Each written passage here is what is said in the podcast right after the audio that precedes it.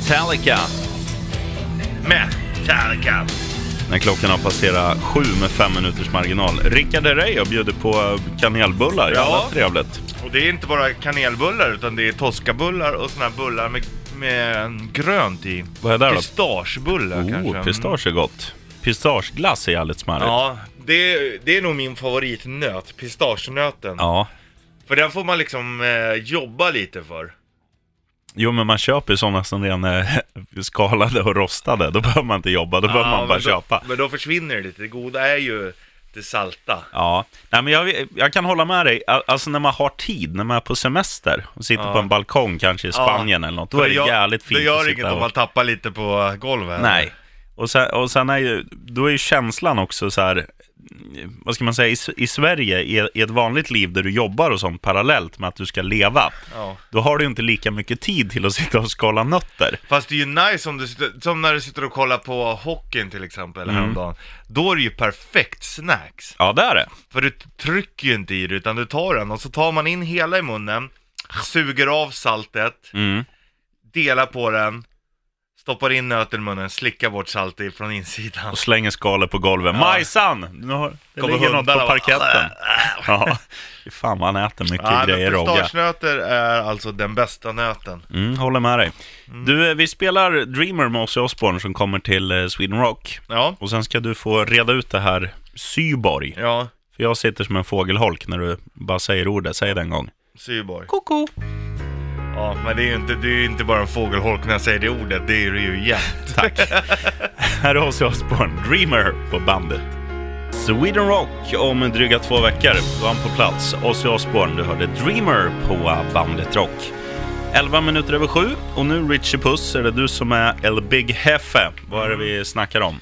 Nej men en cyborg, man kan säga att eh, en cyborg är väl en människa som har eh, teknologi inopererat liksom. Som där teknologin har vävt samman med, med kroppen. Men Men det- det... är liksom halv maskin, halv människa kan man säga. Men det är en maskin från början som du Nej, gör till människa. människa. Nej, människa. Så att du skulle kunna bli en cyborg om du fick ett chip Ja, uppkört men, i... säg, att, säg att jag skulle bli av med båda benen. Ja, Och då opererar jag dit, du vet, eller en stålben typ. ja okej. Då är man en cyborg. Så att man är lite som en kentaur fast eh, istället för häst är man robot. Ja, så kan man säga. Okej. Så man skulle ju kunna säga att egentligen någon som har pacemaker är ju egentligen en cyborg. Ja, det är lite god. ja, nej men du vet såhär, du har ju sett på filmer om om man blir av med en arm så får de en så de kan, är skitstarka i en arm. Ja. Det, då är du en cyborg. Hur vanligt är det här i verkliga världen och inte science fiction-rullar? Det är det vi ska komma till. Alltså, Okej. det är en kille i ehm, England som har blivit godkänd av den engelska staten. Så han är ju egentligen den första godkända cyborgen. Det är alltså Neil Harbison som, eh, han föddes helt färgblind. Okej. Totalt färgblind, så han såg bara allt i gråskala. Ja. Annars om du är färgblind så brukar du kunna ha svårt att skilja på typ grönt och rött liksom. Mm. Men han såg allt i gråskalan och då har han alltså opererat in en antenn i huvudet. Så det hänger som en antenn fram, alltså som en sån här, du vet, konferensmikrofon, sån här liten goose gooseneck eh, Ja, ja, ja. mikrofon typ. Så hänger den från bakhuvudet över, så hänger den framför pannan. och så, från början så var det problem att få dit det, men nu har han gjort det och då uppfattar han färger, för då har han så här fem personer i världen som kan skicka färger till honom. Jaha. Så att då upplever han färger med att, jag vet inte om det vibrerar i hjärnan eller någonting sånt där. Fan vad spooky. Ja, och eh, eftersom han opererade dit antennen så höll han på att inte få ett nytt pass för att eh, Ja, man kan inte ha folk som har teknologi här och var på kroppen. Men nu har han, nu har han slutligen fått det då. Ja. Eh, för att han har förklarat hur, hur det är och så efter mycket process och om och men och sånt. Så nu är det alltså Englands första cyborg godkänd. Så det är alltså en kille som har, då räknas antennen som att den sitter ihop med hans kropp. Neil Harrison. Ja, Vilken kille. ja. Skulle du kunna tänka dig något sånt? Ehm, ja, definitivt. Du skulle, Om du skulle göra mig... du skulle operera dit en riktigt stor robotpenis så du slapp ligga själv. Du då? Ja, samma. Ram Jam på bandet Rock. 18 eh, över 7. Eh, vad är det? Tisdag 22 idag, maj. Bollens Martin i Italien, ett dygn till. Han är tillbaka imorgon. Mhm. Eh, sheriffen här och du, Richie Puss. Du bor ju typ här. Ja, det är faktiskt. Jag är här ganska ofta. Mm. Eh, I alla fall på morgonen och dubbelt på fredagar. Ja, Ja, och på lördagen. Lördagskvällen. just det. Mm. Det har du ju fått börja å- åka på nu också. Ja, Ja, det är alldeles hårt. tur. Det är hårt. Du, eh, Syborg snackar vi om. Ja, och vi pratade ju det om att du hade en önskan om att få operera in en riktig stålpenis, men om du inte hade fått välja det. ja, kanske en iron butt. Ja, ja, det vore ju schysst. Ja. Hong Kong. Ja, men säg att du hade kunnat, mm, ja men operera dit ett nytt huvud då, då hade du sluppit dubbelhakan. Mm. Kling, kling. Ja, den är i Eh, alla fall hård. ja, nej, men jag, jag, om man ska vara helt ärlig med det så skulle jag nog vilja ha alltså, en underdel. Eh, Inte bara lillrogge, Mm. Nej. utan ja, men framförallt lår. För att då tänker jag så här, jag var ganska skaplig i hockey i överkroppen. Alltså mina armar, handleder och mitt målsinne Ja, var bra.